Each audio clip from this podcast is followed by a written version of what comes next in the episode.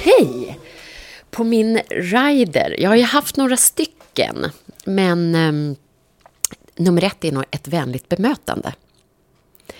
Nummer två är mycket te. Eh, handduk, för jag jobbar väldigt hårt på scen. Och eh, ja, det, väl, det har väl de tre viktigaste bitarna för mig. Faktiskt. Inga vita liljor, inga limousiner och sådana dumheter. Nej. Men du, ett, ett eh, vänligt bemötande, kan man ha det liksom på riktigt på en rider? Du, jag kan säga det att eh, det är inte allt för många människor som har det faktiskt. Det är ett få antal människor som är begåvade med den egenskapen och den efterlyser jag. För att arbete, det ska vara roligt på jobbet och det är ingen klyscha. Eh, för att kunna ge så måste man få ett trevligt bemötande. Eh, så att jag tycker att arbetsandan, oavsett var man befinner sig, vilken bransch man än befinner sig, så, så tycker jag att alla människor förtjänar ett vänligt bemötande. Man tycker att det låter som självklarheter, men, men det vet du att det inte är. Ja, det vet jag verkligen. Glider den på en klubb klockan två på morgonen, då då ska man vara glad om man har någonstans att byta om i någon städskrubb kanske ibland. Så att det där kan variera från fantastiska scener med eh, just det här med limousin och femklassigt hotell till att man hamnar i någon klubb i en skrubb. Så att det där. Men eh, som sagt, får man bara ett, ett, ett vänligt handslag och ett, ett leende så, så kan jag plocka ner stjärnorna.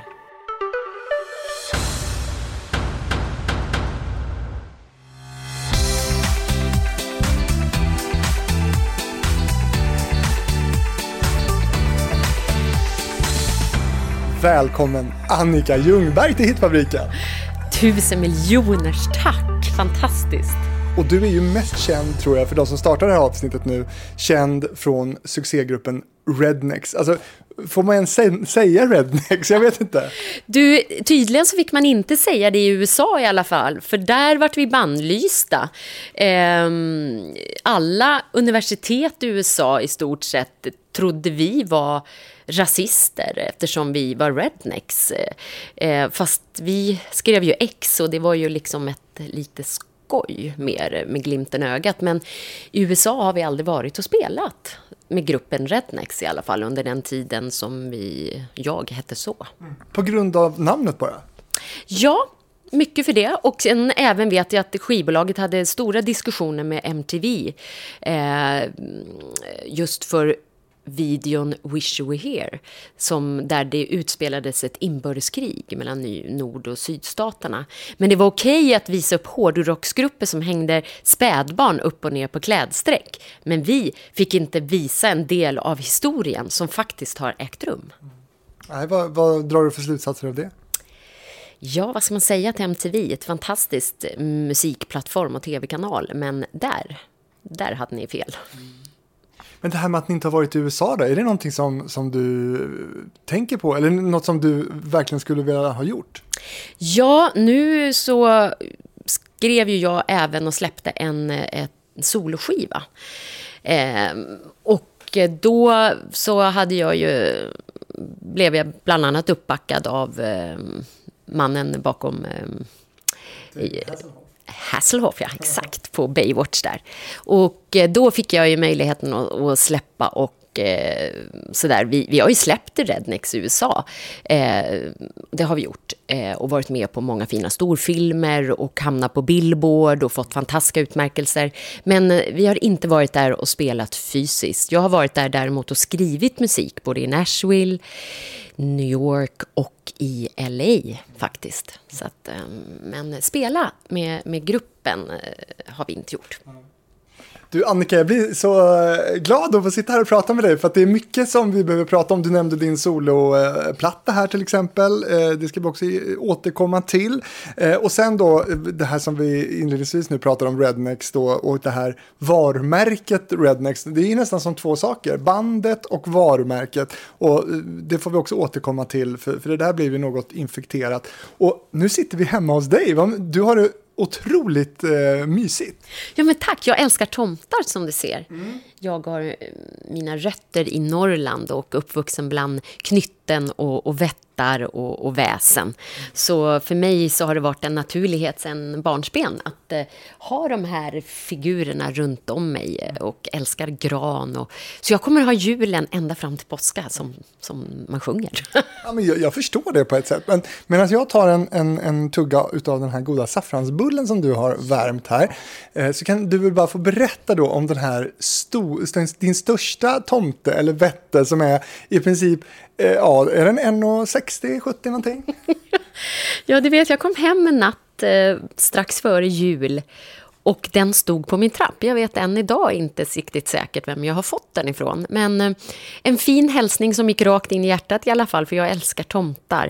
Eh, men jag funderar fortfarande på vem den personen är som eventuellt då har skickat upp den. Men eh, det roligaste är att jag har kameror och eh, jag såg hur tomten rörde sig. Jag såg en tomtemössa som gick upp för trappan. Men ingen människa som burit upp den. Så att jag, jag är fortfarande ganska övertygad om att den har tagit sig hit själv på något magiskt sätt. Mm. Magi, det, det älskar jag. Jag är som Disney, Walt Disney. Jag, jag tror på magi. Det gör jag verkligen. Men, men, men, du tror att den har trampat hit själv? jag vill tro det. kamerorna visar inget annat? Nej, de gör ju inte det. Så att, eh, ja.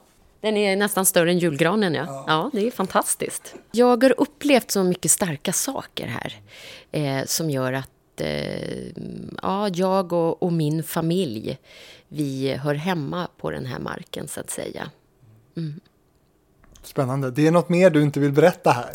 Det kommer täcka ett helt program, så jag tror Hitfabriken vill rikta sig mer åt det musikaliska innehållet. Då gör vi det. Eh, du gick Adolf Fredriks musikklasser, så som många andra har gjort, som jag har pratat med i den här podden. Eh, vilka gick du med?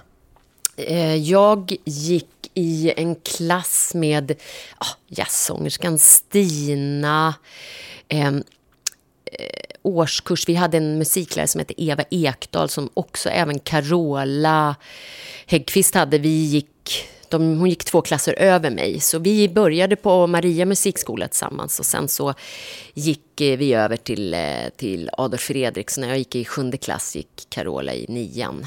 Ni är kompisar? Ja, vi är nära vänner, ja. Mm. Vad lyssnar Annika Ljungberg på idag när du lyssnar på musik? Eh, när jag kör bil och behöver fokusera mig inför viktiga möten eller sådär eh, för att få ordning på huvudet, då lyssnar jag på Mozart. Och det har jag gjort sedan jag gick i småskolan.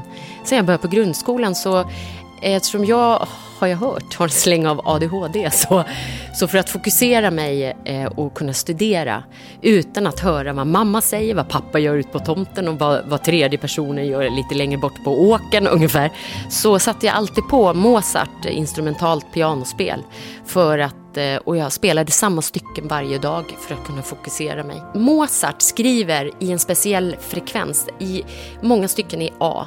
För i A så finns det en frekvens som stabiliserar eh, hjärneffektiviteten och gör en fokus. Så det, det är bra för alla att ha när man ska koncentrera sig. Men vill jag ha lite drag under galoscherna så jag gillar ju 50-tal. Jag har själv sjungit mycket swing.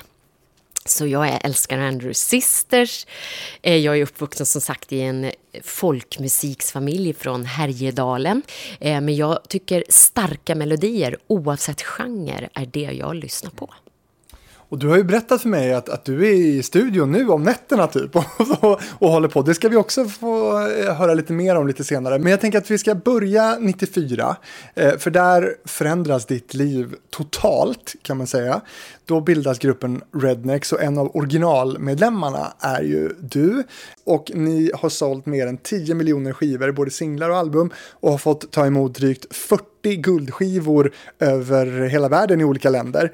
Gruppen har haft listettor i 12 länder och sålt trippelplatina i Tyskland, där ni också som grupp sammanlagt legat längst som nummer ett på singellistan under de senaste 30 åren. 25 veckor nämligen, vilket är 6 veckor längre än tvåan. De mycket upphöjda tyskarna i Modern Talking. Ah, det är helt det är fantastiskt. Ja. Det, är galet ju. Ja, det är beundransvärt att, eh, eh, att det här hände. Men jag tror att det var, det var något nytt för sin tid. Vi gjorde en fusion av musikstilar, någonting gammalt som country och bluegrass är, eh, som eh, appellerade till den äldre publiken. Eh, sen paketerades det här i ett modernt sound som då var techno på 90, början av 90-talet där. Och, ja, det hette det då? Det skulle ja. man inte säga i techno idag. Nej, precis precis. Att eh, man tog någonting gammalt med någonting nytt för att kunna nå ut till både den äldre och yngre generationen. Och det lyckades vi med. Och sen på det så hade vi ett ehm, vi, vi var också, hade ett, ehm, ett sätt att uppträda, en ett klädstil, en image som var unik innan. Liksom, jag kommer ihåg att de jagade mig, pressen i Sverige, för att avslöja. För att de, vi pratade ju aldrig på våra intervjuer i början när eh, Nunstedt och Bjurman och de från Expressen Aftonbladet kom och jagade oss på våra första konserter i Sverige. Vi började ju inte i Sverige, vi började i Holland och i Europa. Men eh, när vi väl kom till Sverige så kröp de under eh, eh, liksom dörrar och insprång på och försökte komma in backstage. Och vi, vi pratade ju inte, vi vägrade ju, vi sa ingenting. Så de var ju inte hundra procent säkra på var vi kom ifrån. Mystik, det blir ju spännande. Det ska vara, precis. Det var exakt så det var. Så att, ehm, och i Tyskland tävlade man i alla tidningar att få tvätta oss till nyår. Göra ett nyårsbad och tvätta av oss skiten som vi... Vi var ju väldigt smutsiga i början. Och, och du vet, jag hade rött hår och en råtta på axeln. Och det var, det var unikt, vi stack ut. Men eh, ska du ta oss med och, och, beskriva lite hur du ens hamnade i gruppen? Ja, jag var faktiskt på en countryfestival eh, och sjöng. Och då var det en, eh, en kille från eh, Stockholm Records som var där. Så, um, och som sa man fick återkomma till mig och vilket han gjorde. Och eh, sen vart jag kallad till eh, Liljeholmen i Stockholm till en studio Ehm, kom upp dit och där sitter en kille och käkar nudlar i en gul Stockholm Records-jacka. Eh, Väldigt suspekt person. Eh, och jag sa hej, det är jag som är Annika. Eh, Ja, jag tänkte att vi skulle spela in en låt här. Ja, okej, okay, sa jag, vad trevligt, kul. Skickade in mig i en garderob utan lyse, så då tänkte jag det här kan ju bli hur bra som helst, sa jag. Eh, så, att, så jag går in, försökte liksom få något typ av sken på den här lilla lappen då som jag skulle sjunga efter. La sången, eh, hörde ingenting på tre veckor, ringer tillbaka till den här suspekta personen och säger, hörru du, eh, den här demon jag spelade in, eh, vad händer? Ska vi göra någonting mer? Ska vi göra om? Ska vi liksom... Uh, den ligger redan på spellistan på första plats i Holland. Jag bara, what the fuck? Liksom. Får man säga så?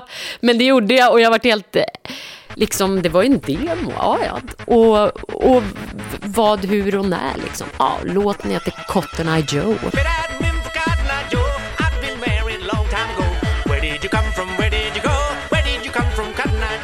Och det var liksom eh, delvis en trädlåt. Cotton Eye Joe är en trädrefräng eh, faktiskt eh, från sent 1800-tal. Så att det, är inte, det är inte våran låt utan vad vi, eller vad teamet då, eh, skrivteamet på, i studion hade skrivit, eh, det var ju versen. Men konceptet, produktionen var ju unik då så att säga. Eh, så att, ja, det var historien om Cotton Eye Joe, en demo i en i en mörk garderob utan belysning. Ja. Men, men jaha, vad hände med kontrakt och, och, och fråg, fråga dig om det här var... Nej, inget sånt? Eh, nej, inte så mycket då. Eh, det vart ju sedermera när jag fick frågan att sätta ihop själva bandet. Så att jag satte ihop det fysiska bandet och sen kom det kontrakt då som man skulle få signera när det blev dags att ge sig ut på turné. Det blev ganska snabbt, för, för ni blev stora väldigt snabbt. Men, men de, de andra i bandet då, hur, hur kände du dem? Ja, de spelade ju aldrig in eh, sång och musik, utan det var jag som la sången så att säga. Så att eh, de fick per diem, som det heter när man åker ut och på turné och när man åker ut på promotion och sådär. Men... Eh, Vad var det sa du? Per diem får man eh, som ersättning för att man gör reklam för eh, en låt eller så. Jag fick ju per diem också, men eh, framförallt royalty då för att jag åkte runt och gjorde reklam i radiostationer i Asien, vi var i Australien, vi var i, ja, överallt i Europa, överallt i världen, från Hongkong till Vietnam till Melbourne till London till, ja, name it. Men det betyder, de andra var statister i princip?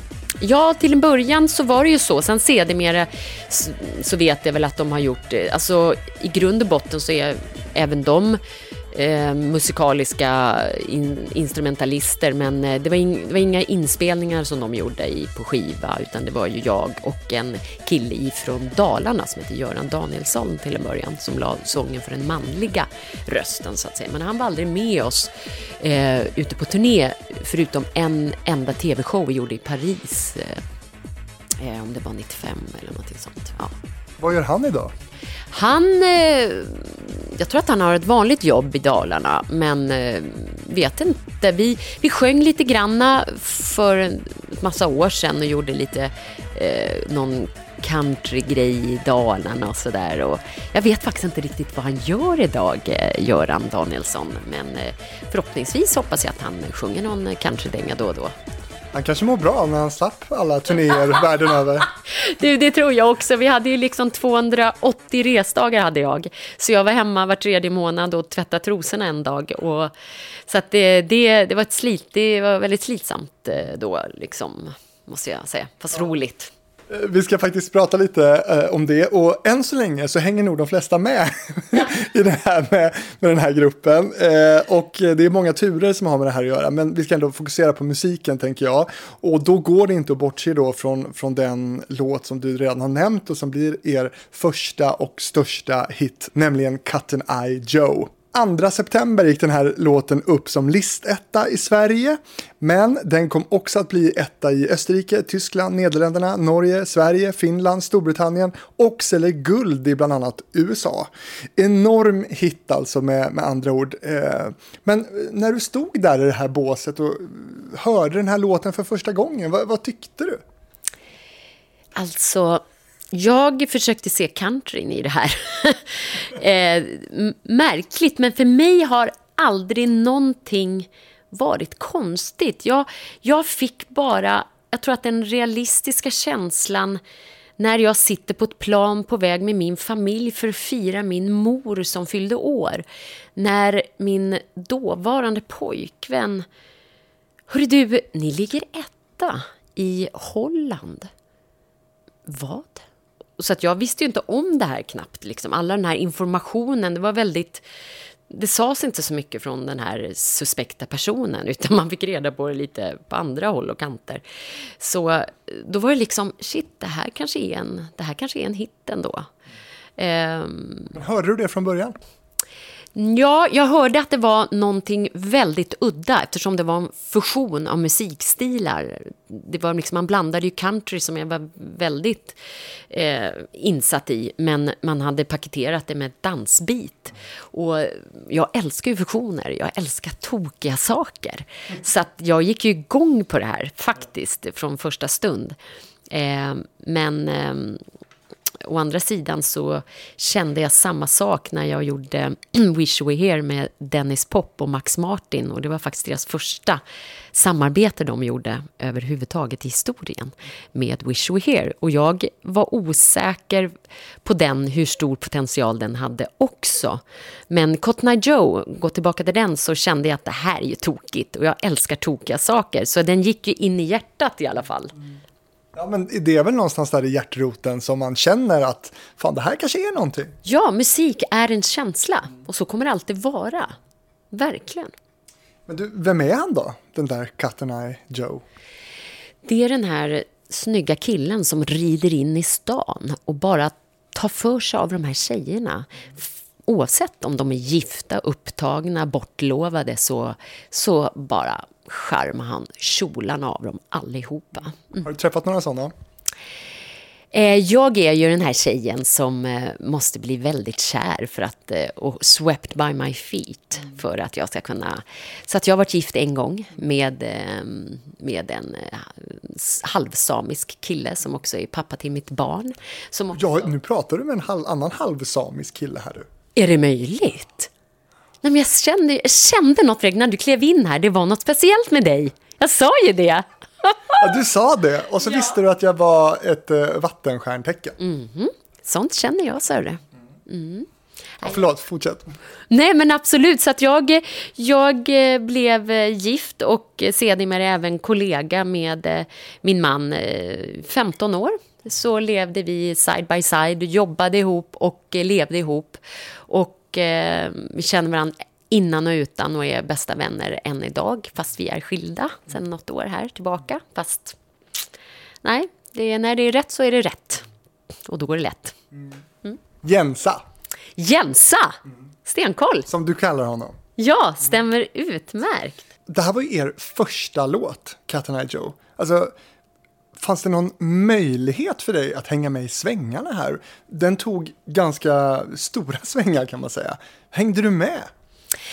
Eh, jag kan väl säga att det gick med en himla fart. Jag älskar ju fart och fläkt. Så att, eh, men när jag kände att det började bli lite påtagligt sådär, det var när jag låg i min säng på ett hotell i eh, Sydafrika, i Johannesburg. Och Eh, jag hade precis i samma veva startat upp ett konsultbolag med 50 anställda.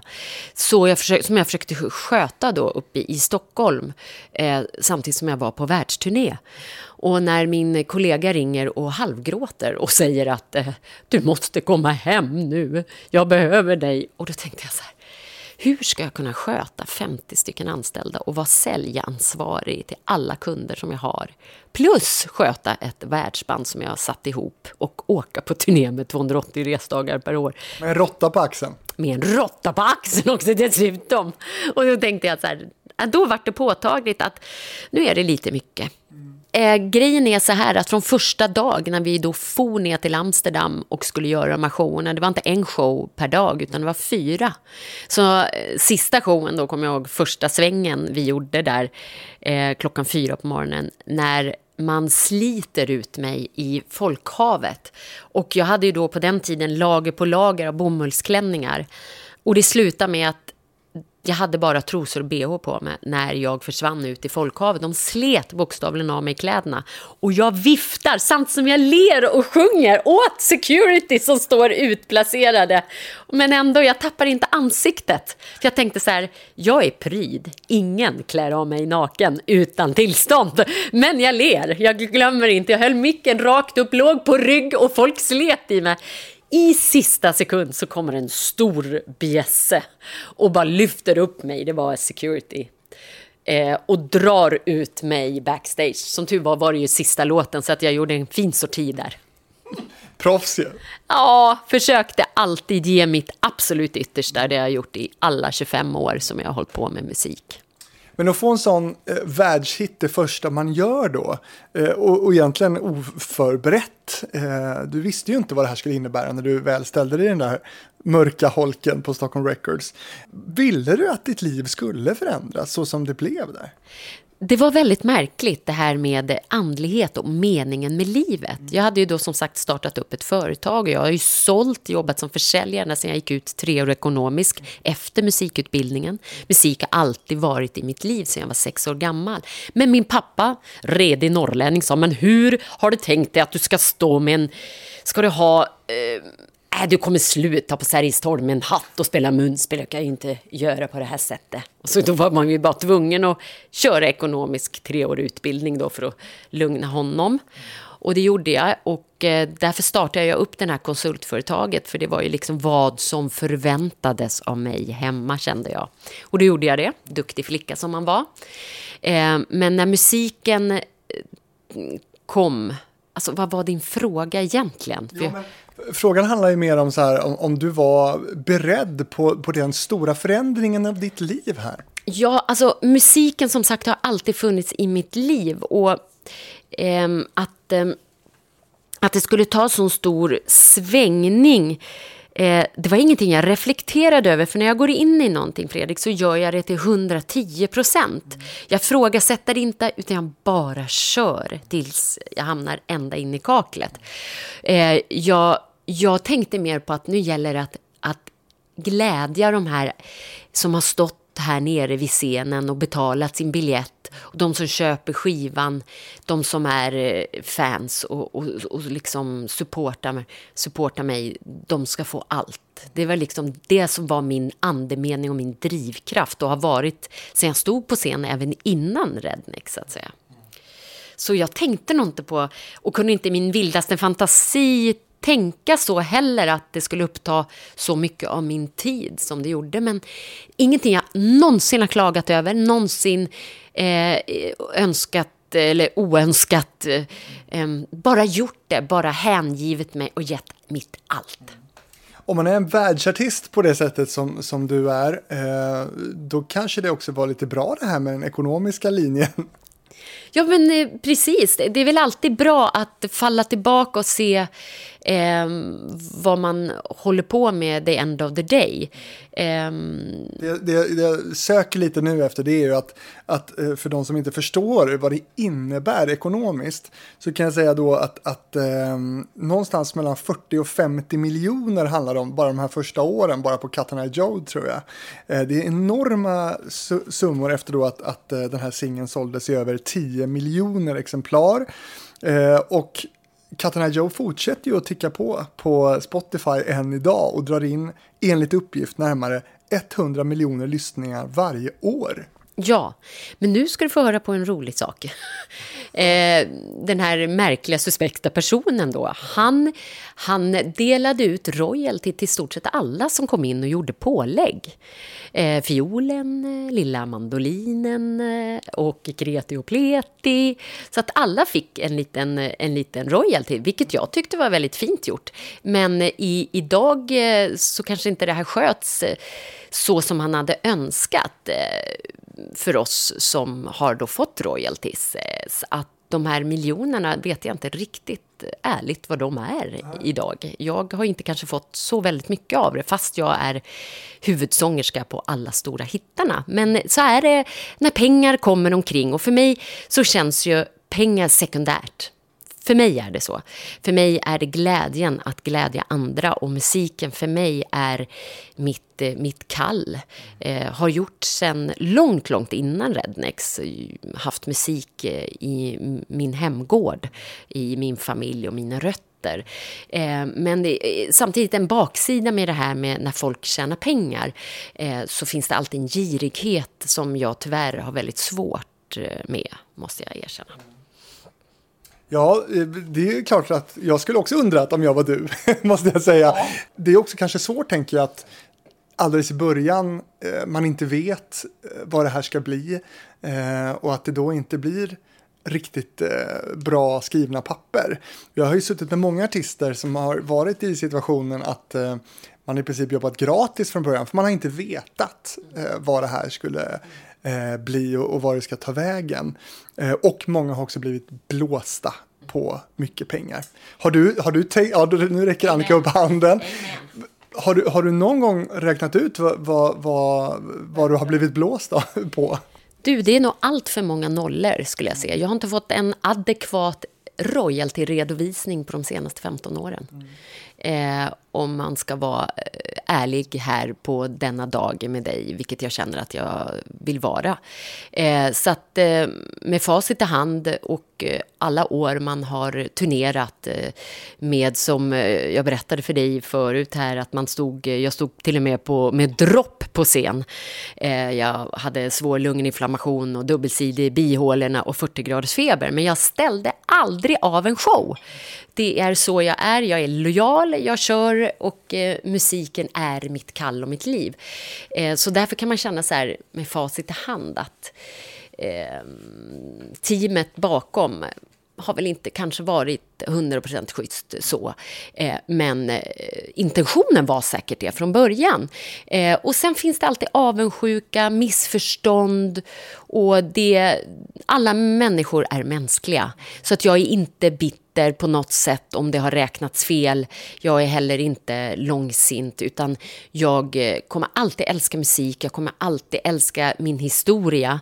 Eh, Rednex, eh, som sagt, om vi nu ändå är inne på det, har ju varit liksom eh, mitt andra skötebarn kan man säga sedan 1994 ända fram till 2009 när jag eh, bytte namn eh, och eh, valde att gå vidare själv utan inblandning av människor som ska styra och ställa. Och för mig är ärlighet och tillit de absolut viktigaste grundstenarna i ett samarbete. Och finns inte det, då, då måste jag eh, få gå vidare. så att säga. Och det gjorde jag 2009 med ett eget varumärke. Har det kostat någonting för dig också? Jag tänker rent eh, psykiskt, alltså terapitimmar och så vidare. Ja, det, det har varit eh, galet påfrestande stundom sen 2009 för mig. Som säkerligen många i pressen kanske reflekterat över. Och eh, jag väljer att inte vara bitter och vara besviken. Men eh, jag har eh, stundom gråtit mig till sömns för att varit besviken på, på när man har varit med om och byggt upp ett varumärke som man sen eh, ska bli utskälld och falskt anklagad för att ha missbrukat när man bara har gjort allt man har orkat och kunnat i sin makt. Ehm, eh, men jag, som sagt, för mig är musiken allt. Och eh, efter 2009 då så bytte jag namn för att slippa just allt det här tråkiga, den här baksidan av myntet, för att få bara tänka på musiken och glädjen. Och då bytte jag namn till Cotton Eye Joe bara. Och det gjorde jag i samband med en konsert med, när vi var ute med Sting i Indien. Vi gjorde en stor aids-gala. Då bytte jag namn på den konserten och, och fick lite vatten i kvarn just på mitt namnbyte för att då drog vi tre gånger mer publik än vad Sting gjorde. Eh, och då kände jag att nu eh, så är det här min nya väg eh, jag ska gå. Sjunger, sjunger musik Eh, och jag, jag vill göra, spela på mitt munspel och jag vill glädja människor. Och, eh, och jag eh, tycker om alla mina gamla kollegor och gamla producentteam eh, trots att det fortfarande finns avundsjuka och jag tycker det är tråkigt bara. Utan jag, jag vill och jag kommer alltid att jobba med musik på ett eller annat sätt. För det har jag gjort som barnsben. Mm. Du känns väldigt, eh, du, du, känns väldigt stor i detta.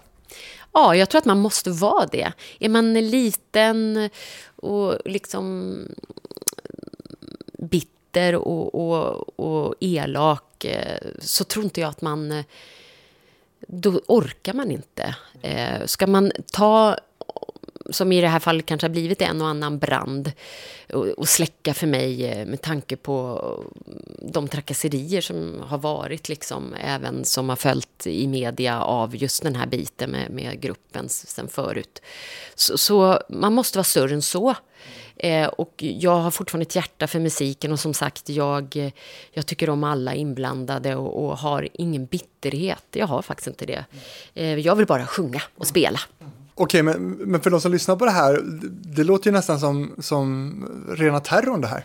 Ja, jag tror att det grundar sig i avundsjuka och missundsamhet. Och därför väljer jag att se på det med kärlekens ögon. Han kanske är störtförälskad i mig, den här producenten. Ehm, men jag hoppas på ett år, 2021, där inga fler trakasserier eh, kommer upp. Ehm, så att jag lägger locket på och hoppas det förblir så med ett härligt minne av de fina år jag haft med gruppen. Det är på temat Den man älskar agar man. Kan det vara så?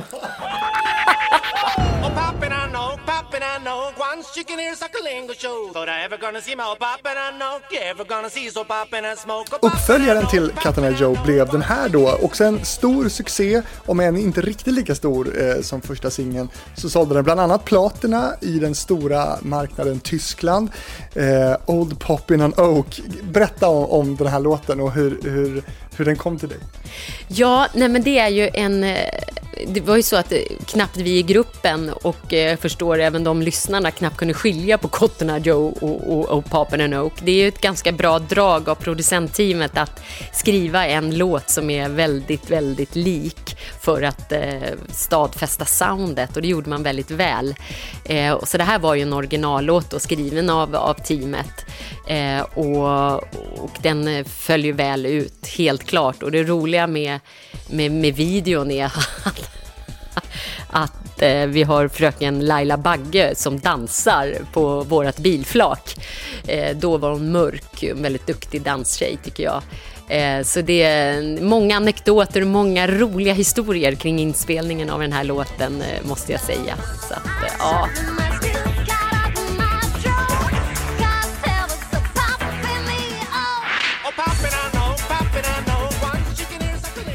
Och jag kan, kan erkänna att, att eh, jag sjöng fel text många gånger på, på Papa and Oak och blandade ihop den själv med Cotton Eye Joe kan jag säga. Ja, den är ju extremt lik, men medvetet. Ja, absolut. Ett väldigt bra drag att statuera. Eh, jag kan tänka så här, motsatsen gjorde ju Joan Osborne som släppte If God is one of us som eh, släppte ett album efter det. Hon hade liksom inte stadfäst sig riktigt. Hon skulle tjänat på och gjort som vi. Eh, släppt en, en singel till i samma typ av karaktär för att stadfästa sig lite grann. Eh, det gick bra för henne ändå. Ja, grym tjej, grym tjej, grym artist, grym låt. Absolut. Men jag tror att rent kommersiellt marknadsmässigt så var det smart att släppa fem singlar och komma sen med Sex and Violence. Eh, en annan låt som sålde platorna i Tyskland, det är den här.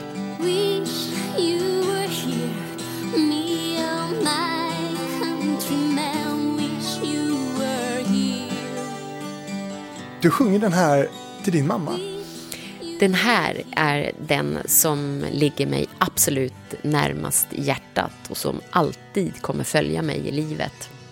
Den skrevs av Teijo Leskele, en väldigt begåvad finsk text och musikskrivare. Ehm, eh, och eh, jag kommer ihåg första gången jag hörde den här. Eh, jag var lite, mm, lite osäker på vad jag kände för den faktiskt. Men när jag då sen kom till studion, jag fick flygas hem, vi var på Europaturné och jag skulle spela in den här på Cheiron Studio i Stockholm. Och det var faktiskt mitt första möte i arbetssammanhang med eh, Dagge, Dennis Pop och Max Martin, Martin Sandberg då. Eh, och det var också deras första arbete ihop, så att den här inspelningen är legendarisk. Och Max Martin, eller Martin då, eh, nämnde det här, kommer jag ihåg, när han hade någon, eh, gjorde någon intervju på Sveriges Radio här.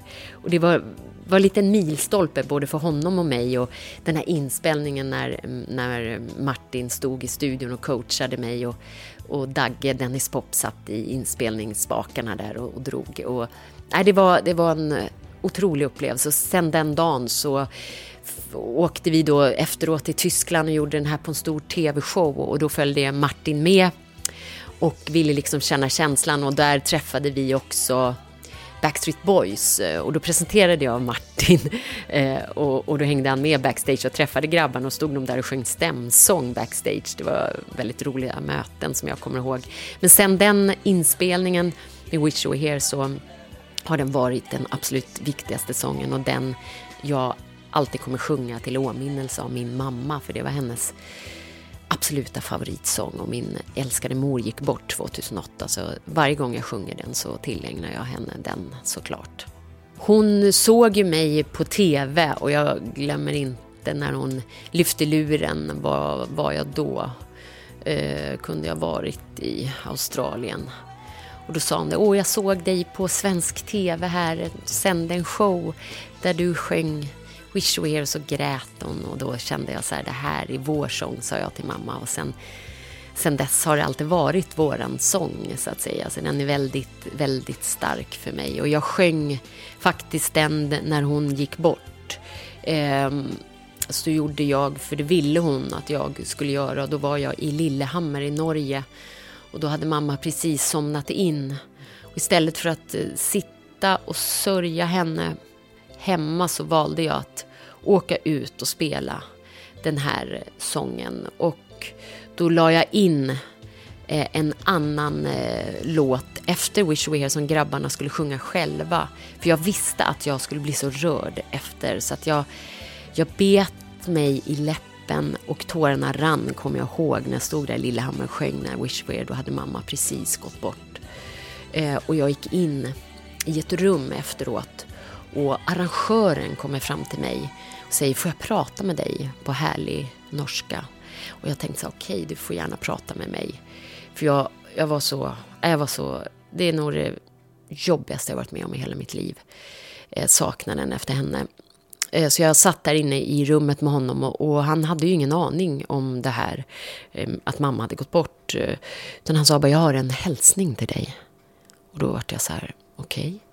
Min fru eh, skriver såna här sanskrit med meddelanden från andra sidan. Och din mamma vill hälsa att hon tackar så mycket för, för att du gjorde det här för henne. Och hon är med dig varje dag i, i livet efter hon somnade in här för en vecka sedan. Och, och då bara visste jag det här jag gör nu. För det kändes så orätt att vara ute och spela efter en vecka efter hennes bortgång. Eftersom hon betydde allt för mig. Men jag visste att det var här var det bästa sättet för mig att, att eh, visa min, eh, min vördnad för henne. Så att säga, och min stora saknad. Då fick jag det bekräftat. Det var otroligt starkt. Vad har ni för kontakt idag? Hon är med mig varje dag och jag, eh, som du kanske har förstått, eh, andlighet för mig är en väldigt stor del av mitt liv. Och jag får tecken, Fredrik, varje dag att hon är med mig. Så det är stort, det är starkt. Mm. Tre stora hits har vi pratat om nu från, från plattan eh, Sex and Violence. En, en stor framgång naturligtvis, den här, det här albumet. Och turnerandet har du varit inne på. Du är över hela världen. Eh, och här skulle jag vilja prata lite med dig om att, att du är dålig på att lyssna på din kropp och du är dålig på att ta hand om dig själv, eller hur? Ja, de säger det och nu har man väl fått lite facit på hand skulle jag tro. Du, du har berättat här och jag har läst det du själv har skrivit att, att du under Österrike-turnén 95 eh, hade läkare med dropp som väntade på dig vid eh, scenkanten. Du hade ständiga magkramper som gjorde att du låg dubbelvikt i logen minuterna före show. I Vitryssland hade du securityvakter som fick bära upp dig på en stol. Eh, så här såg din vardag ut har du skrivit och du lyssnade aldrig på kroppen och du var aldrig sjukskriven. Eh, ja, dumdristigt tror jag många tänker, de som lyssnar på det här nu. Eh, hur tänkte du? Jag eh, kan hålla med om när jag har facit i hand idag att det var otroligt dumdristigt. Men jag skulle ändå vilja säga varför jag gjorde det var för en, fast det låter som en kliché, så gjorde jag det faktiskt för min um, otroliga lojalitet till min publik. Och uh, så har det alltid varit. När jag gör ett uppdrag, då gör jag det till 110. Mm. Och uh, så kommer det alltid vara. Uh, faktiskt. Mm. Men vad, vad, vad är priset du har fått betala? Ja, jag eh, ådrog mig 2012 en inflammationssjukdom som heter leukemi. Så jag fick en blodcancer då. Eh, som är för att, eh, ja, jag har min teori. Jag som sagt hade magkramper, gick aldrig på toan. Var 20 dag gick jag på toaletten när vi var under de här åren på turné. Det började då. Man kunde sitta på en flight från Stockholm till Peking eller Stockholm, Hongkong och jag gick aldrig på toan. Eh, varken då eller när jag kom fram. Bara för att, jag vet inte, det var stress och, och, och sov väldigt dåligt och så. Eh, och det här gjorde väl att kroppen fick stagnationer, inflammationer och ett förgiftat blod liksom när man aldrig eh, tog hand om sig. Liksom. Du fungerade inte? Nej, jag fungerade inte. Och eh, jag kan väl säga idag så, så har jag en otrolig verk i kroppen och, och, och har ju då fortfarande leukemi då som jag behandlas för dagligen så att säga med cellgifter och sådär. Men eh, jag eh, har en otroligt stark tro och en envishet. Eh, och eh, vägrar ju lägga mig ner på något sätt mm. så faktiskt. Så att jag vill gärna fortsätta med musik men ehm, eh, känner att i år 2021 så tror jag att jag vänder blad. Eh, jag har ju sysslat med, eh, med Cotton Eye Joe och jag har sjungit även själv eh, solo. Eh, jobbat med andra konstellationer, musik i olika olika på olika sätt. Men eh, det här året så kanske jag ska tänka lite också på, mm, på min kropp. Jag ska försöka, jag kan inte lova något, men jag ska försöka. Men herregud, du måste ju ha lärt dig någonting. Ja, jo, nej, men det är sant. Är, är huvudet upp dumt så får kroppen lida, sa min eh, mamma jämt. ja, men är det inte också någonting med att, att du, är det inte ett eh, försvarstal det här att, att du inte, att du inte du är ju själv ansvarig för, för dig och din kropp och ditt mående. Vad är det som gör att du inte tar hand om, om det här? Ja, jag vet. Det, det, är lite dumt där. Jag har väl någon sida, en dum eh, envishet som, som har eh, satt sig att jag ska prestera. Jag har ju haft liksom prestationsångest sedan jag var fem sex år. Jag kunde ligga i sängen och fundera på varför gjorde jag inte det här bättre och varför gjorde jag inte så? Och eh, rannsakade, analyserade ständigt och det, det har varit kanske min, min jobbiga sida genom åren att jag liksom aldrig tar det lugnt och inser att nu kanske jag ska vila. Men jag, jag är diplomatisk, alltså. jag är lojal och det är en sida som jag tyvärr har väldigt svårt att bara lägga åt sidan. Men eh, jag ska ta dig på orden, Fredrik, och jag ska 2021 vara lite mer förnuftig och försöka mm, tänka på det. Men jag går en timme varje dag i skogen. Ehm, det gör jag och det har jag gjort de senaste åren faktiskt sen jag fick leukemi och försökt och jag har ändrat kost och jag har gjort mycket bra saker varje dag. Mm. Hann du någon gång då eller berätta nu för att vara lite positiv också då, om, om gånger du har, har kunnat stanna upp och njuta under den här tiden med allt turnerande. Du, jag ska säga dig en sak. Sen jag började musiken så har jag satt mig upp det första jag gjort på morgonen och alltid tackat för det jag har istället för att säga och vara besviken på det jag inte har. Jag har alltid i alla mina år eh, tackat för det jag har. Så att jag, jag har aldrig faktiskt varit ledsen ehm, för det. Utan jag, jag är glad och tacksam oavsett om det brinner runt omkring mig och jag släcker bränder och det är utmaningar ena efter andra. Så står jag här och jag är glad och tacksam varje dag för någonting. För jag tror så här, det man lägger energi på, det växer. Och eh, det som är fint, om man då anammar det, så blir det mer av det goda. Enkel filosofi. Det skulle du ha kunnat då. Nej, men när du stod mitt uppe i det här och, och mådde som sämst ju. Jo, men eh, jag, jag la faktiskt ingen energi på det. Faktiskt. Jag spottade i spottkoppen för jag kunde inte svälja om du tänkte på den här Österrike-turnén.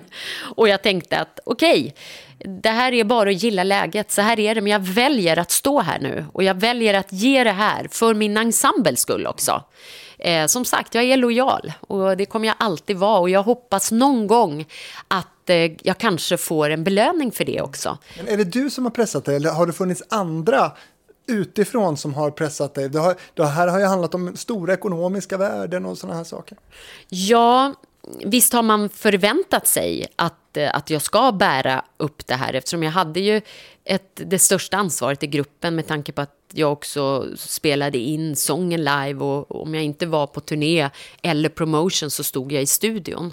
Och visst var det prestation, men jag tycker att eh, eh skivbolaget och, och de som drev det ändå visade uppskattning eh, då. Eh, kanske inte de senare åren, eh, men, eh, men då. Eh, och någonstans har jag alltid varit den här personen som har tagit mitt egna ansvar. Och jag gör det även när jag blev sjuk. Så så vet jag att ingen hjälper mig upp ur sängen förutom mig själv. Och det är så det alltid har varit. Liksom. Är det Gud som har räddat dig? Jag kan säga att jag är troende, ja. Eh, och jag tror att eh, det man sänder ut får man trefalt tillbaka. Jag eh, ber så, så får man. Eh, men jag vet också att eh, jag, jag går hellre ut i skogen och pratar med, med Herren än kanske att sitta alltid i kyrkan, även fast jag trivs där och finner ro och frid där. Så jag tror mycket på den jag tror mycket på människans egna kraft och vilja att vara en god människa. Så jag, när jag går utanför dörren varje dag så tänker jag faktiskt så här Fredrik. Jag ska göra någonting bra för någon annan människa varje dag. Om det är så att bara le till någon på mataffären och säga Snygg, snygg jacka du har på dig, fin du är i håret. Varje dag gör jag det och det gör mig glad faktiskt. För jag vet att det betyder något för någon annan. Jag hoppas när jag hör det att du, att du gör och tänker lika mycket på dig själv än, än på andra. Du, 97, eh, efter en platta med Rednex, eh, då tar ni en paus. Mm. Varför då? Vi hade haft många resdagar. Eh, ja, ja 280 resdagar. Och du mådde sagt. skit? Ja, emellanåt. Fast jag var alltid glad och jag var alltid tacksam. Jag var verkligen det. Jag klagade faktiskt aldrig. Eh, inte ens för mig själv. Och du har ett fantastiskt leende. Ja, men du, detsamma. Man blir som man umgås. Tack. Och jag tror på att eh, nej, jag som sagt har aldrig varit otacksam och, och, och så. Eh, och när vi tog ett break då kände vi att var sak har sin tid. Och jag tror att när man har varit ute så intensivt så behöver man återhämta sig på något sätt.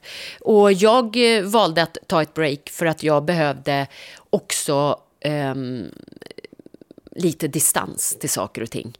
Eh, och då fick jag en förfrågan att eh, göra soloskiva ifrån eh, tyska BMG och även fick jag en förfrågan från Jive, eh, Somba, vårt skivbolag med gruppen. Men valde sedermera eh, tyska BMG. Eh, och eh, jag tog även ett uppdrag eh, från Sveriges Television som reportageprogramledare. Vilket jag tyckte var skönt att få vara på hemmaplan. Och, och jag skapade också en relation som blev, varade i 15 år med då Jensa. Så att mycket av ett annat typ av liv, jag vände blad. Från att vara en karriärist eh, som hade startat ett bolag med 50 anställda. Parallellt körde jag med gruppen som jag satte ihop bandet för då, Rednex 94. Kände att var sak har sin tid. Nu vill jag vara hemma, göra någonting annat. Fast det vart ju då ett skivbolagskontrakt kontrakt till. Och då så vart det ju turné själv och det var inte lika roligt för jag tycker det är roligast att jobba i grupp och ensemble måste jag säga. Och råttan försvann? Råttan försvann, jag fick tvätta håret och tvätta av med smutsen i ansiktet. Och ärligt så föredrar jag nog det här lilla rufset i håret och, och råttan på axeln. För att, att vara i finrummet med en skräddarsydd kostym eh, ifrån de främsta, eh, främsta ja, vad heter de här som syr kläderna i Stockholm? Eh, nu tappar jag namnet. Ja, och stå där i tysk tv med en gitarr och sjunga mina eh, självskrivna låtar visserligen. Eh, det var inte så roligt att sitta där själv och göra de här intervjuerna och, och, sitta själv backstage och åka de här flygplanen fram och tillbaka. Jag tycker om att leda en grupp och vara i, en, i, en, i ett sammanhang med människor.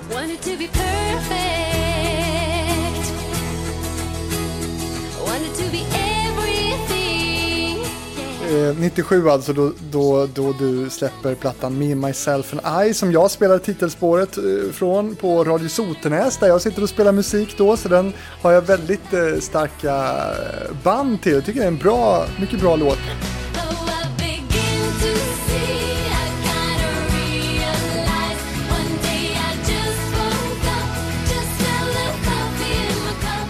Men din skiva hittar jag idag varken på Spotify eller Apple Music. Kan inte du berätta vad det beror på? ja, du jag, jag har väl inte så jättebra koll på allt det här. Eh, eh, måste jag erkänna. Jag vet faktiskt inte varför du inte hittar den. Ehm, jag vet att många har fått beställa den på väldigt krångliga sätt. Eh, för jag får ju fanbrev eh, mer eller mindre dagligen fortfarande. Både från eh, tiden med gruppen och ehm, Eh, och även solplattan. Men jag vet faktiskt inte. Men den, den resan med den skivan, eh, den var, ja, den var mycket speciell och den gjorde jag som sagt själv. Och jag gjorde det inte lätt för mig heller. Men, men det, det är faktiskt eh, kul för den går ju att hitta faktiskt på YouTube har, vi, har vissa lagt ut eh, lite låtar. Så om man vill så finns det ju där även om det kanske inte gagnar dig då. Men det är du ju van vid. Jag är van med det. Fick han till. men du, vilken låt är favoriten på den plattan? Oh god. Uh, ja, jag, det som jag har stark, starkast minne är nog Flower in my garden som också blev den uh, första singeln för tyska BMG.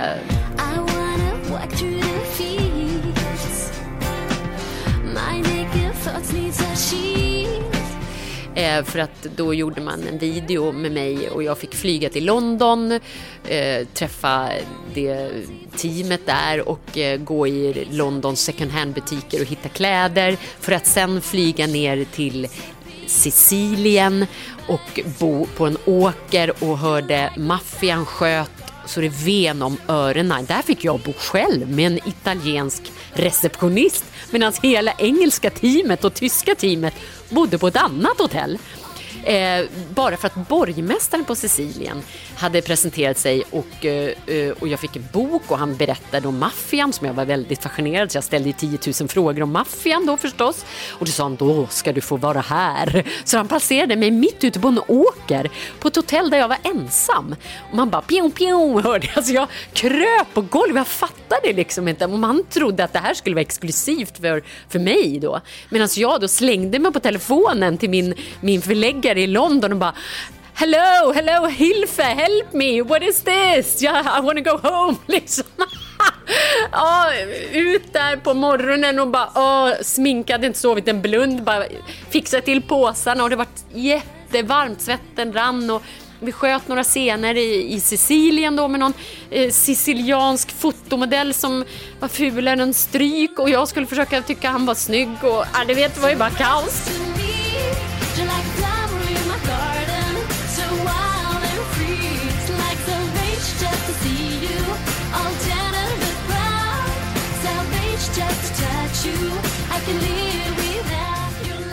Och sen ut med båt och färja till Lipari, till den här vulkanön. Och där bodde vi med någon engelsk kvinna som var fantastisk, med team från Tyskland. Och, nej, det var bara ett surisurum av allt. Och ut till någon sån här, på den här vulkanen så skulle jag ligga i ett badkar med färgade rosblad och i liksom...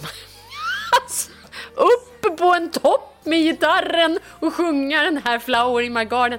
Du, det var så mycket konstigheter runt det här så att det men en sak, jag, har ju, jag är ju uppväxt i Norrland och där sa man inga armar, ingen kaka. Alltså har man inga pengar ska man inte ha något. Och så har jag ju jobbat sedan jag var 14 år. Och när de slängde ut så mycket pengar på en enda video, då lyfte jag luren till Tyskland och sa Du, jag är här för att göra musik. Lägg hellre pengarna på att sprid mina, mina låtar eh, än att lägga så mycket pengar, nästan en miljon på en video som liksom Hallå, jag kunde ha stått med en green screen i, i Berlin eller i Hamburg där skivbolaget låg och gjort en video för en hundradel av pengen. Skulle ha lagt pengarna på promotion istället. Så att ja, min ekonomiska bakgrund och min utbildning och mitt mitt sätt att driva företag som en entreprenör gjorde mig tokig. Så att det här tyska skivbolaget var bra på många sätt, men de var inte speciellt bra när det gällde att placera kulorna på rätt saker, det kan jag säga. Men det är ju någonting med dig Annika som blir spännande. Du eh, har nobbat Eros Ramazzotti, ni har, har spelat in musik som inte blev utgiven va? Jajamensan, efter fyra låtar med Eros och hans fantastiska producent Celso Valli i deras eh, studio i Bologna. Där jag skickades för att göra min eh, soloplatta nummer två med tyska BMG. Jättefint satsat, stort och gigantiskt och hela italienska liksom kortegen stod där och välkomnade mig. Maffian kanske? Kanske det, ja, precis. Och vi skrev låtar och man åt middag eh, fem timmar för sent. Inte fem som jag var van med, utan klockan tio på kvällen. Och då gjorde man pasta i studion. Tills jag kände efter fyra låtar att det här går inte. Hur ska jag nu för de här otroligt stolta italienarna förklara att det här är inte vägen till hjärtat för mig i den musik jag vill representera, även fast jag älskar italiensk musik. Med också en världsartist som, som Eros Ramazzotti var och är. Ja, man pratade om namedropping på skivbolaget och tyckte att det, det var bra. Liksom. Men... Har du kvar de här låtarna någonstans? Ja, då, det har jag. På gamla beta och alla möjliga konstiga format på skivor som jag knappt kan spela upp. Men eh, jo, vi jobbade hårt och, och, jag förstår skivbolagets goda intention. Men eh, det var ju inte jag. Jag är ju liksom en folkvisitorn. Jag är rootsy. Jag vill ha, jag vill ha lite, ja du vet Nashville. Jag vill ha en en annan typ av musik. Så att eh, skivbolaget fick skicka ut sin brevduva och vände upp och ner på hela Bologna och det vart, eh, du vet, italiensk temperament i 180 så att jag höll mig i Sverige då när detta hände. och så, ja, tyvärr så blev det som det blev så jag avslutade mitt samarbete med tyska BMG därför jag kände att det var liksom inget bra. Så att jag åkte tillbaka till Sverige och samarbetade med eh, Lionheart istället, eh, Maria Molin och gänget där som gjorde en klart mer intressant satsning där man satsade på rätt saker. Eh, Okej, okay, det kanske inte blev någonting med, med Eros och, och, hans gäng då, men, men eh, efter att David Hasselhoff personligen snöat in på din platta Me, Me, Myself and I, då hamnade du i Baywatch också. Ja, eh, jag säger så här, jag säljer ju det folk vill köpa, som man sa förr i tiden. Men eh, jo, eh, Precis, han var på besök i Sverige och satt uppe på svenska BMG och är ju en, en producent, en skådespelare som älskar musik själv och mm, spelar in ett och annat. Så att, eh, han, han fastnade för de här fyra spåren som han tog med sig tillbaka till USA och eh, pitchade på sina avsnitt där de... Eh, ja, men det var fantastiskt intressant och, och roligt faktiskt, måste jag säga. Lite, lite eh, ja, det var ju inte så att jag hade trott att jag skulle hamna på Baywatch. Det var ju liksom snarare sagt det lilla huset på prärien jag trodde. Men var du där någonting i samband med det? Du var inte i någon röd baddräkt och så? Jag fick en på posten, men, men jag åkte aldrig till stränderna med, med David Hasselhoff, nej. Men, eh, ja, nej.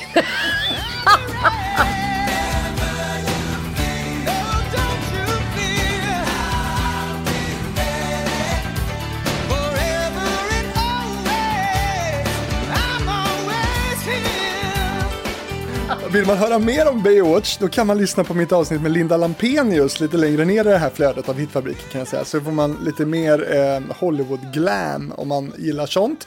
Eh, men betyder det något för dig det här med att hamna i, liksom, i, i Baywatch? Alltså rent, vad fick det för spridning och så? Ja, det exporterades ju till 123 länder, eh, det här programmet. Så det var fantastiskt faktiskt. Bara det att mina pengar som kom in därifrån gick till min förläggare, som i sin tur gav pengarna till Leila Kay, som inte hade några pengar. Så han frågade mig, kan jag få låna ut dina pengar till Leila Kay, för hon mår inte så bra just nu. Och jag med mitt stora hjärta sa, ja, för tusan eh, gör det. De pengarna har du inte sett igen? Nej. Men det var en härlig, eh, härlig eloge från eh, USA och David Hasselhoff att man uppskattade min musik på det sättet. Så att eh, jag ser ju de här avsnitten när när de springer på stranden i de här schyssta röda baddräkterna. Det är väldigt roligt måste jag säga. Vilken låt var det? Var det Red as Rose? Bland annat Red Rose. Ja. Som är också en av, av favoriterna för, för mig. Eh, också, den, den, känns ju eh, pop men också lite irländsk va? Ja, faktiskt.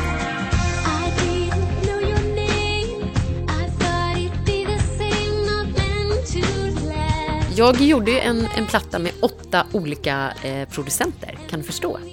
Rörigt.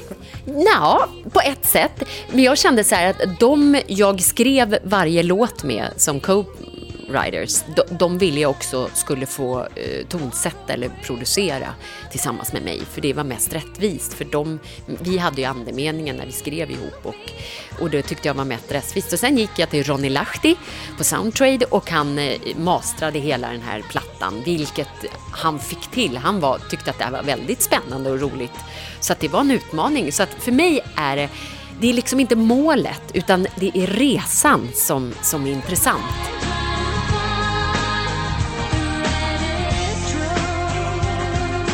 Musik ska vara en känsla och en upplevelse och jag hade många glada vänner på den här resan. Låtskrivare, producenter och, och till sist då Ronny Lahti som sydde ihop hela skivan och mastrade med mig på Soundtrade. Det var jättekul. Vi ska gå vidare och då ska vi prata om eh, det andra albumet med Redneck som heter Farm Out som släpps år 2000.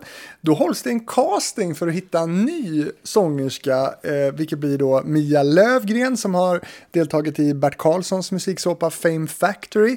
Eh, men då är inte du tilltänkt här. Nej, då hade jag gått vidare och blivit könsmogen. Ja. Så då hade jag startat en familj. Jag hade faktiskt då avslutat min platta, men fått en förfrågan av Sveriges Television. Så att jag gjorde ju ett reportageprogram där. Vad hette det? Det heter Festfixarna.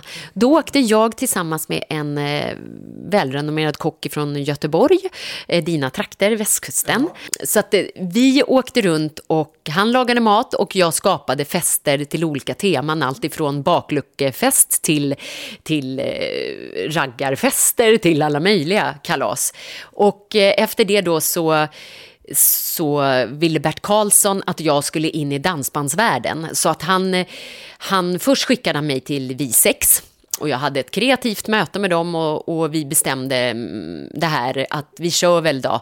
Eh, det var eh, efter, ska vi se, kan det varit Pirelli? Efter Pirelli, innan eh, Pernsäter. Pärnsäter. Eh, och då så fick jag frågan och då ända fram tills de säger du får jobba på julafton och påskafton och påsken är ju min högtid och julen är min största högtid på året. Så då sa jag, hörru du, jag har varit på turné i 280 resdagar, jag känner inte för att jobba på julafton.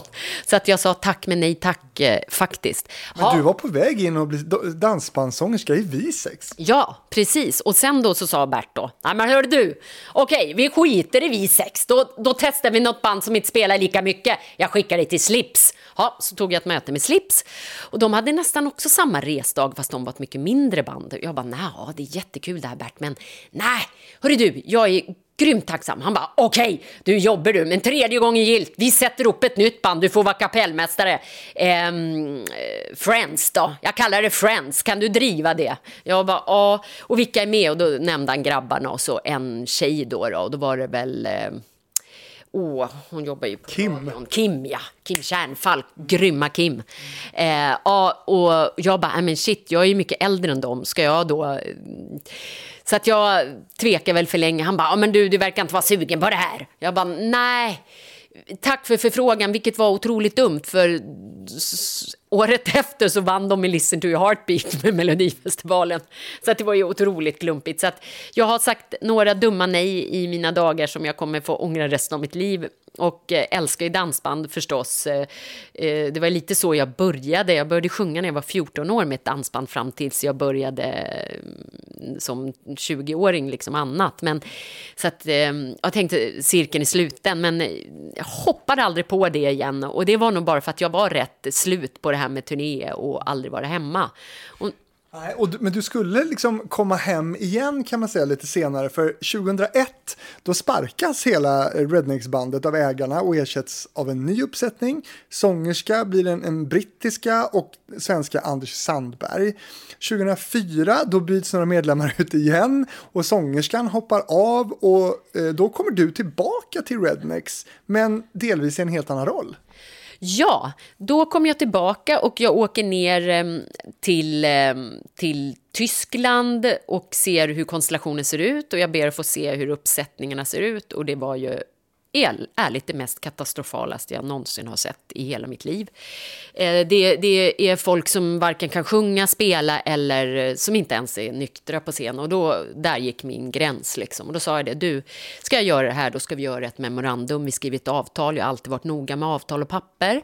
Jaha. Precis. Eh, men som sedermera alltid, konstigt nog, eh, förra kontraktet jag skrev 94 tappades ju bort av dem. Det var ju lite märkligt. Men den här gången skriver vi tre uppsättningar och vi lägger ett hos advokaten och vi tar ett varsitt. Jag har verkligen stångat mig blodig för, för det. Och då sa jag att vi skriver ett memorandum, jag tar varumärkesrätten för, för gruppen Rednex och eh, jag kommer sparka alla kan jag säga. För det här håller inte ens vägen ut ur tyska tullarna sa jag. Och det vart ju griniga miner och det första jag gör är eh, har ett möte med, med Björkman och får en förfrågan att bli joker till Melodifestivalen efter ett år. Men vi började, jag kickstartade faktiskt med att göra öppningen på friidrotts-VM inför 60 miljoner. 60 miljarder, kan det ha varit det? Nej, det tror jag inte. Nej, 60 miljoner. Ja. Vi gjorde öppningslåten som jag och eh, Jensa och eh, eh, Landman och några andra skrev eh, då till den här fantastiska öppningen. Och eh, vi skrev låten och vi, vi gjorde den här fantastiska entrén. Och sedermera då gjorde vi Melodifestivalen 2006. Och då var vi igång. Och då hade jag tre bandmedlemmar som, eh, som alla kunde spela, sjunga, skriva, producera, liksom, vi var självförsörjande och då hade jag ensamrätten till varumärket. Men det är ju så att när man är ärlig så får man kanske också tyvärr trampa folk på tårna. Men jag var ödmjuk och sa, ni håller inte måttet. Och eh, därmed så fick väl jag kanske sura miner och eh, det blir alltid så, även fast man försöker förklara sig, att ska man jobba med musik så måste man vara nykter på scen, man måste vara liksom, man måste prestera. Ska man ta betalt för något ska man göra en, ska man ha, visa upp ett resultat. Det låter ju som en självklarhet för de flesta, men tydligen inte i din bransch. Nej, precis. Tydligen inte just i den här konstellationsuppsättningen då. Men det, här, det, det är ändå liksom, liksom lite positivt här. Du har tagit kontrollen över varumärket, du är någon slags konstnärlig ledare.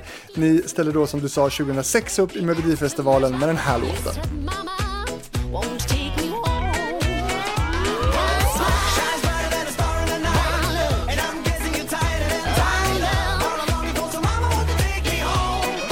Sexa i finalen med Mamma Take Me Home. Det här, det här är ju svängigt, det här är bra ju. Ja, äh, men vad roligt. Vi tänkte även där att nu gör vi en liten fusion av något typ av reggae med, eh, med, eh, med country. Med, ja, eh, även där en fusion. Och där ville vi ju liksom göra en, en rolig grej för barnfamiljerna och nå ut till kidsen också. Eh, och ehm, ja, vi, vi, på oddset så var ju vi eh, tvåa där efter Carola ett tag. Och um, Carola då som är en god vän, vi hade väldigt roligt bakom kulisserna där. Ja, hur var det att tävla mot en kompis? Ja, nej, men det var lite roligt. Hon försökte tränga sig in där med oss och utnyttja våran vocal coach. som, eh, jag hade ju en ensemble på sex personer, vi sjöng ju sexstämmigt på Mamma Take Home. Det är liksom ingen så barnlek. Och eh, vi hade ju seriösa uppsjungningar dagligen och vocal massage och allt det här. Och Carola gled in där och ville vara med på törn och det fick hon ju. Så hon... hon hade ju stora problem med rösten här ska vi säga. Exakt, precis. Och därför en, så, så, så givetvis öppnade jag upp dörrarna för, för, för, för fröken där och möjlighet att hänga med oss. Häggis! Häggis, ja. ja. Underbart. Nej, men vi hade roligt. Och eh, även fast vi var konkurrenter, det var man ju liksom. Eh, så ett tag var ju vi trea där och BVO och vi tampade som andra platsen. Men sen så fick vi faktiskt, om jag ska vara ärlig, ur ett kommersiellt syfte det bästa upplägget. Vi var med eh, i eh, Andra chansen. Vi var i Göteborg med Carola, fick mycket bra tittarsiffror. Efter ett par dagar så möttes vi i Andra chansen i primetime-sändning eh, efter två dagar och då fick vi ytterligare vara med och vi gjorde Grand Slam och slog ut allt från pontare till, till, oh, gud, alla möjliga etablerade super liksom, Eurovision och Melodifestivalsartister. Så att, eh, och sen gick det ytterligare en vecka så vart det final. Så på loppet av kanske tre veckor så gjorde vi tre primetime-sändningar och fick ju en fantastisk eh, kickstart. Och då fick vi en förfrågan av Ema Telstar, eh, Live Nation idag. Mm på att göra en turné och där slog vi box office-rekord. Vi sålde mer än Uggla och Ledin den sommaren.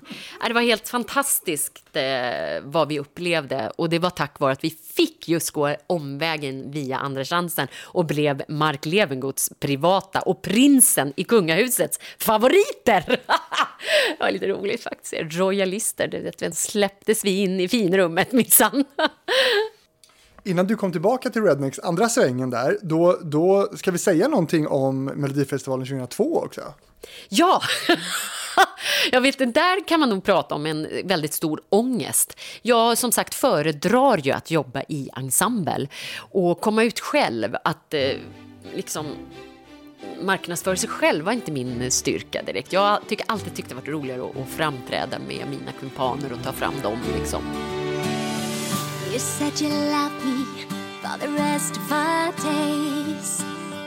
That time's changed and so have we with it. Hur hamnade du där med, med Sail Away?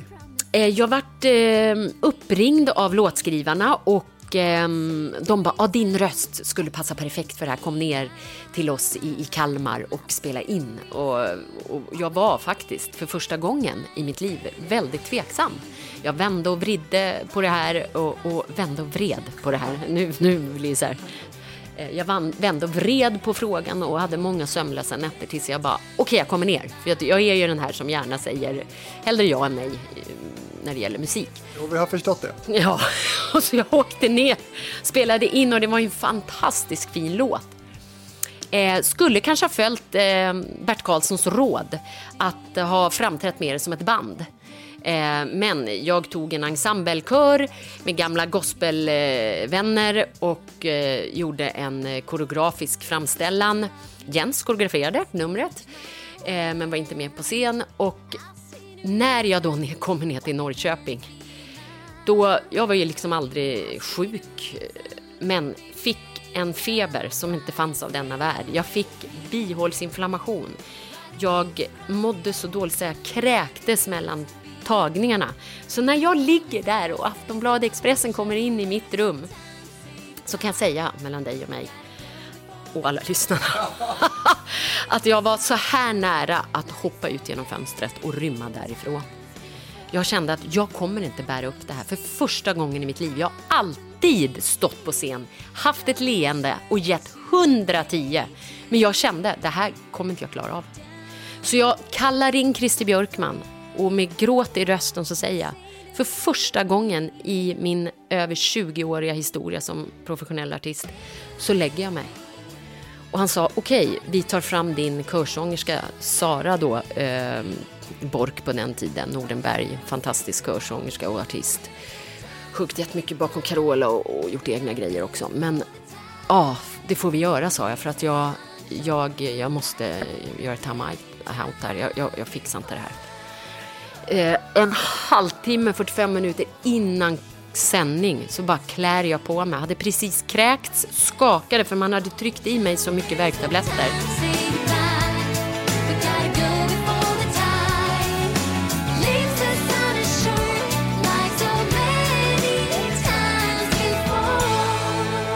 Jag hade inte fått i mig någon mat. Så jag, jag mådde så dåligt. Jag tror jag aldrig har mått så dåligt, även om jag jämför med den leukemi jag har genomlidit värsta toppen av. Kryper ut bokstavligen, ställer mig på scen. Det var nog det dummaste jag kunde göra. Jag kunde inte, jag fick inte fram någonting vokalt. Eh, och jag var alldeles vitblek, jag kom knappt ihåg vad jag gjorde. Men jag gjorde det. Och om det var bra eller dåligt, det kan jag bara säga att det var nog det sämsta jag gjort i, i, min, i min artistiska karriär faktiskt. Jag viskade fram tonen, jag kunde inte ens hålla en ton. Um, jag tryckte upp den och sen som jag tryckte fram tonen så var jag så nära att kräkas. Men varför ställde du inte in här då? Ja, varför gjorde jag inte det? Varför lämnade jag inte över kaveln? Nej, där har du den här dumdristiga envisheten eh, som jag har haft med mig sedan jag var liten. Och eh, jag har en förklaring till det, för jag frågar min pappa många gånger, varför är jag så envis? Och då fick jag svaret av min far en, en kväll för några år sedan. Att eh, jag har inte sett vitögat bara en gång i livet eh, när jag fick leukemi, utan även när jag var drygt två år så hamnade jag på sjukhus under en längre period. Då hade jag väl fått någon feberkramper så att min mamma kom inte ens för hon hade redan sagt adjö för de trodde inte jag skulle överleva. Så att jag lämnades på sjukhuset och min far var där. Men på den tiden var man inlåst eh, liksom som liten. Och, eh, men jag hade sån envishet så att jag, de trodde inte jag skulle klara mig, inte ens läkarna. Men jag gjorde ju det. Och Eh, jag kommer ihåg när jag satt där hemma på sophinken när jag fick en tårta och ät med hela, med hela, med hela ansiktet. Och pappa sa att efter det, den rundan på sjukhuset så fick jag ett otroligt temperament som skulle kunna elda upp ett hus. Och jag tror att den ilskan, den, eller envisheten har tagit mig till där jag är. Liksom. Så att jag, 2002 där på scenen nere i Norrköping, mm. nej fasen heller jag gör det här nu, nu har jag sagt att jag ska göra det. Men det var inget smart drag alltså, det var inte det. 2006 kommer du alltså sexa i mellofinalen, men redan året efter då ska ni tävla den rumänska uttagningen till Eurovision med Well We eh, ihop med det rumänska bandet Romania. Den blir diskad.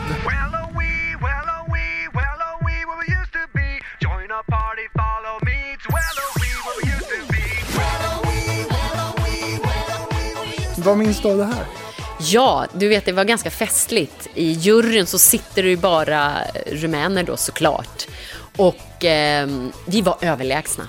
Vi var överlägsna och eh, Expressen och Aftonbladet när de fick nys om det här liksom att shit, vi flyger in med helikopter, vi ska göra något stort av det här. Då hade vi liksom vi skulle ju liksom, vi hade, kände ju Seger Sötman och vi var ju liksom redo då på att göra. Vi hade tagit en, en rumänsk eh, eh tradlåt som var över 60 år gammal så det var ju liksom ingen fara. Man fick göra det och allting var under kontroll och, och folket hade röstat. Vi var överlägsna för folket. Det var helt galet. Men då sitter en i juryn som visar sig vara i managementteamet till den som var efter oss i ledningen. Som var rumäner, såklart 100% rumäner. Sticker väl lite i ögonen att, att eh, det kommer cowboys från Sverige då som ska ta snuva dem på... på eh, så att... Um, det påstods då att det var någon slags melodislinga som var utgiven 2001 fiolen som han spelade var det någon, någon liten, några toner där. De gjorde ju allt för att fälla oss. Och det här vet jag, det vart nästan som ett krig mellan Sverige och Rumänien. Så Aftonbladet Expressen bara, vi kommer, vi kommer, vi skriver, det här är ju, det här är ju inte klokt liksom. För vi var ju, vi hade ju vunnit. Men då vart vi diskade, det var deras sätt så att vi ramlade ner på andra plats.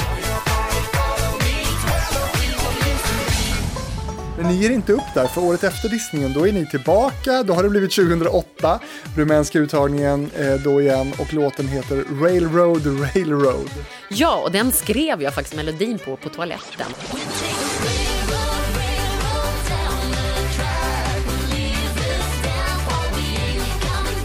Och det var liksom så här, äh, det var en jätteskön låt. Och upp igen, Up in the saddle again. Och vi gjorde det med Romania också. Ett fantastiskt rumänskt gäng. För vi vill ju liksom visa rumänska folket. Vi var ju med när de öppnade upp för EU i, i, och har gjort många tv-shower där. Det var ju lite som hemma för oss, Rumänien. Vi var otroligt mycket där. Och då kände vi som en, som en, eh, liksom en eh, vinkning till rumänska folket så hade vi Romania med oss. Men, eh, och där gjorde vi också fantastiskt intryck och vara så nära på att vinna. Oh. Nej, jag vet inte, det, det, går aldrig att vinna i det landet när man kommer utifrån. De, det, det går bara inte. De vill ha oss för, för tittarsiffrorna. Och, eh, det är korrupt alltså? Ja, tyvärr så är det det. Men, eh, här är, är det ju då det här turbulenta också, mitt, eller det börjar ju här, det här turbulenta som du var inne på lite i början, eh, bara för, för, att ni som lyssnar ska hänga med då. Eh, 2007, då lades företaget Rednex AB ner och varumärket Rednex, det läggs ut till försäljning på Ebay med ett startbud på en och en halv miljoner dollar, eller hur? Yes. Eh, du som har jobbat med det här varumärket, du har varit varumärkesansvarig för, för Reddings. Hur, hur känns det i, i hjärtat att se varumärket på auktion i princip på, på, på Ebay? Ja, det var just det här som jag eh, gjorde mig så besviken. Att eh, någonting man har burit upp sedan 94 och stått med eh, i alla möjliga situationer fast man inte har varit liksom frisk och kry. Men man har alltid kämpat och gjort allt man kan. Då vart det ju ett, eh, ett hugg i ryggen för mig. Och eh, när jag såg det här så lämnade jag in en brasklapp, en ganska tydlig sån till teamet bakom då eh, varumärket. Att jag måste avsluta mitt memorandum, för det här går liksom inte. Jag kan inte sitta här och betala er en procent och så säljer ni mitt ansikte på Ebay utan att ni har frågat mig. Eh, så att där började den här eh, det här fula spelet som inte jag tycker om, som inte jag tycker hör hemma i ett skapande liksom, av musik. Och, och, när ni ska fira något så kul som 15-årsjubileet för, för Katarina Joe, eh, då blir det riktigt stökigt ju eftersom att eh, 2009 då, då kan man läsa i tidningarna att, att det är i princip full strid kunde man läsa då mellan de gamla och nya medlemmarna i Rednex om namnet Rednex. Eh, och ni kommer inte överens och, och bråkar om varumärket. Ehm, och det förstår man ju att det här måste ju vara nedslående för dig. Ehm, ni stäms för bedrägeri och varumärkesintrång och det var bötesbelopp och eh, stora rättegångskostnader. Ehm, hade jag varit du, då hade jag sett det som ett personangrepp. Och det kan jag säga nu, tre stämningar senare, att det gör jag ju. Eh, och det var ju liksom tack för kaffet, tack för allt hårt arbete, här får du en stämning. Eh, och det har ju varit mina vänner och några som jag, det var jag som tog in de här i gruppen också som ställde sig på producentens sida. Så att jag, jag var ju djupt besviken, det var ju en sorg som, som jag inte förstod riktigt. Och jag hade dessutom ett kontrakt ända fram till 31 december 2008. Så att jag hade ju all rätt att Eh, att, ha varumärket eh, och försökte ju liksom ställa mig upp och vara stark i det här och utmålades som en kriminell. Liksom. Det var ett personangrepp. Eh, jag, de skrev om mig på sidor och hatsidor. Och, mm, det var verkligen trakasserier och hot och förtal som var... Jag förstod ingenting. Jag varit superbesviken. Och 2012 då, då tillkännages att, att Rednex eh, läggs ner som ett konstant band och istället så satsar man då på mer ett koncept likt Dolly Style. Att, man, att det är mer liksom en, ett varumärke och sen kan man byta personer lite hur som helst och att det är liksom mer ett, ett, ett varumärke. Eh, det, det är vad, vad Rednex är idag eller? Ja, man, eh, det är ungefär som, eh, som eh, man gjorde med McDonalds. Liksom. Man kan starta ett Rednex vilket land som helst. Mm. Och på den tiden, just då, 2012, då var jag allvarligt sjuk i leukemi och hade ju ingen advokat, inget ombud som förde min talan. Men jag vet att min för detta bandkollega då, Jensa, Eh, han sträckte ut armen och hela handen och, och hela kroppen och sa att eh, då kan ju vi då i sådana fall köra för Sverige eftersom det ändå har varit vi. Men vi försökte med alla vänliga liksom, tillmötesgåenden. Men eh, nej, han ville knäcka mig, det var hans uttryck. Och, och då förstod inte jag, jag förstod inte, jag var sjuk och, och sa att jag kommer kanske ändå inte kanske stå på scenen igen. Just då så skulle vi ha spelat med Brad Paisley och Alan Jackson, de största profilerna i, i, i USA för country. Och vilket eh, jag har kämpat hårt för. Liksom. Men eh, då fick jag ställa de turnéerna. Jag hann göra en show med Alan Jackson i, i Sverige. Men fick ställa på grund av min dåliga hälsa. Och då kommer han med det här avtalet när jag var som sämst.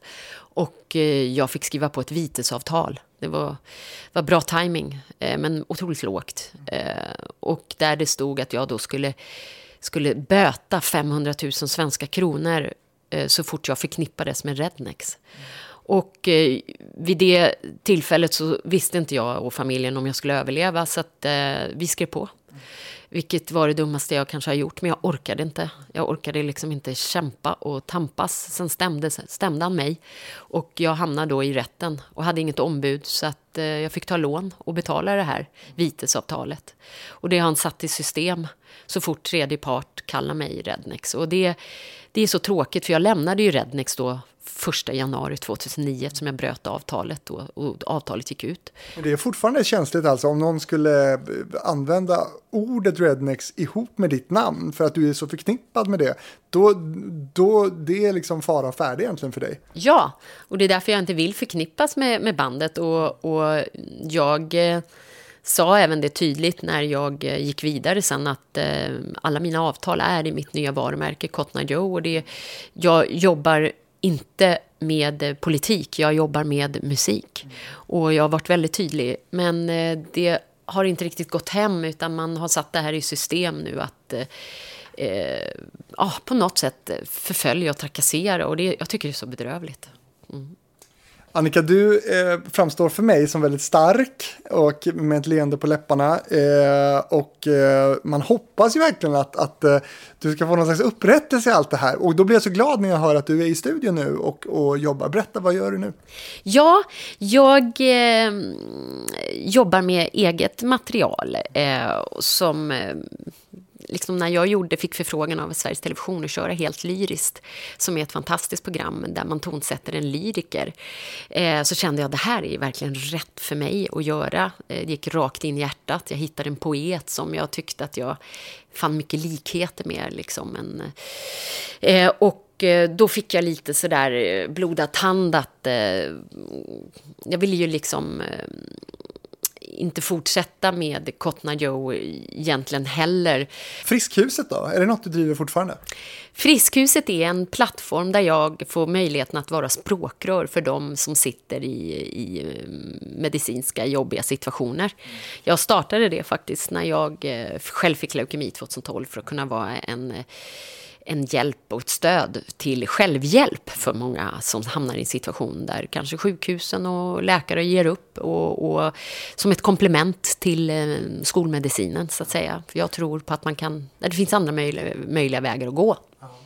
Och, och bredvid eh, saffransbullarna, den jättegoda dyra chokladen och teet här så står ett sånt här vatten bredvid dig här. Mm. Det är ett cellvatten förstår med, eh, med Redox signalmolekyler. Mm. Det låter lite märkligt, men eh, det som vi själva producerar i kroppen mm. finns här bredvid mig på flaskform så att man kan återhämta sig och alla obalanser som skapas kan mer eller mindre återställas. Och där har jag haft med mig sedan 2012. Och det här är ingen humbug? Ja, för mig är det så att jag tar inte in vad som helst i, min, i mitt kök och dricker av, utan, eller äter av.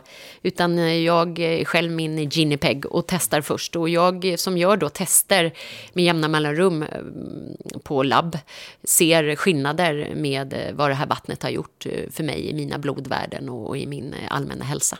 Mm. Och jag tänker, det finns många liksom, människor som är sjuka eller mår dåligt där ute eh, och som eh, ja, mer eller mindre desperat söker efter en lösning och sådär. Det här är kanske ytterligare en sån här grej som är dyr och som, som många sjuka eh, ska gå på på något sätt. Ja, och jag tror också så här som det händer aldrig mig, säger man. Jag blir aldrig sjuk. Om jag hade haft facit i hand så skulle jag börjat med det här före eh, jag blev sjuk eh, och fick leukemi. Det... Mycket annat du borde ha gjort också ja, innan. Faktiskt. Nu är du aktuell med Helt Lyriskt som kommer på SVT. Eh, då man får se dig i, i eh, tolka då en, en, eh, en gammal vers, eller på att säga, men, en, men ett lyriskt stycke. Eh, finns det andra möjligheter att se dig? Jag tänker, vilka spelningar tar du idag? Jag eh, gör som resten av mina kulturarbetarvänner. Det finns ju inte några några fysiska spelningar idag, eh, utan man får jobba i studion eller så får man sända digitalt. Ehm, eh, Jag sänder kanske inte några shower digitalt idag, utan ehm, jag gör väl en och annan hälsning, kanske då och då, för att eh, visa att musiken finns i mitt hjärta och eh, jag hittar nya vägar att gå. Jag, eh, jag tror att vi, jag ställer mig frågande till varför kulturen har blivit så hårt drabbad med tanke på att eh, vi behöver det. Den här isolationen har slagit hårt på svenska folket. Du är kritisk mot eh, regeringen här. Mycket kritisk, mycket kritisk. För att får man gå på Ullared och handla trosor och plastkärl och gå tajt till varandra så ställer jag mig frågan varför man inte skulle kunna stå på en scen, på en stor scen där folk kan stå med två meter emellan eh, lika gärna. Eh, för att eh, isolation är inte bra för människor. Vi är smarta individer här och vi använder sunt förnuft. Vi kan hålla avstånd, vi kan ha munskydd, men vi kan glädjas i musik för det. Så att eh, skärpning säger jag till, eh, till er där i styret och låt kulturen få sin plats, sin välbehövda plats. Annika, vi har pratat en och en halv timme nu om ditt eh, musikaliska liv och det behövs för du har gjort väldigt mycket. Vi har varit över hela världen med dig i det här samtalet. Vi har tagit del av eh, uppgångar och eh, när det har varit eh, tuffare och vi har pratat lyrik och cellvatten och jag har nästan ätit upp din skål med de här dyra fina chokladpralinerna. Du kan inte ställa fram choklad framför mig, det går inte. jag säger så här Fredrik, det ska vara gött att leva, annars kan det kvitta. Och du som lyssnar på det här, du kan höra av dig till mig om du vill på fabrikspost.gmail.com och det är det många som gör. Jag kanske ska bli bättre på att läsa upp lite så här lyssnarbrev. Jag ska tänka på det här i, i den här vårsäsongen som vi nu drar igång. Hitfabriken hittar du också på Facebook och Instagram och där finns du också va? Ja, där finns jag, Annika Ljungberg. Eh, och eh, även på Instagram finns jag och lämnar glada hälsningar och ett stort hopp om ett fantastiskt 2021, eller hur Fredrik? Och nu tycker jag, kan vi inte få ta en bild med dig tillsammans med den här magiska tomten och lägga ut på Hitfabrikens sida så får man se då den här levande vätten. Du, det tycker jag vi gör. Magi åt svenska folket. Annika Ljungberg, tack för att du var med i Hitfabriken. Tusen tack från botten av mitt hjärta att jag fick vara här.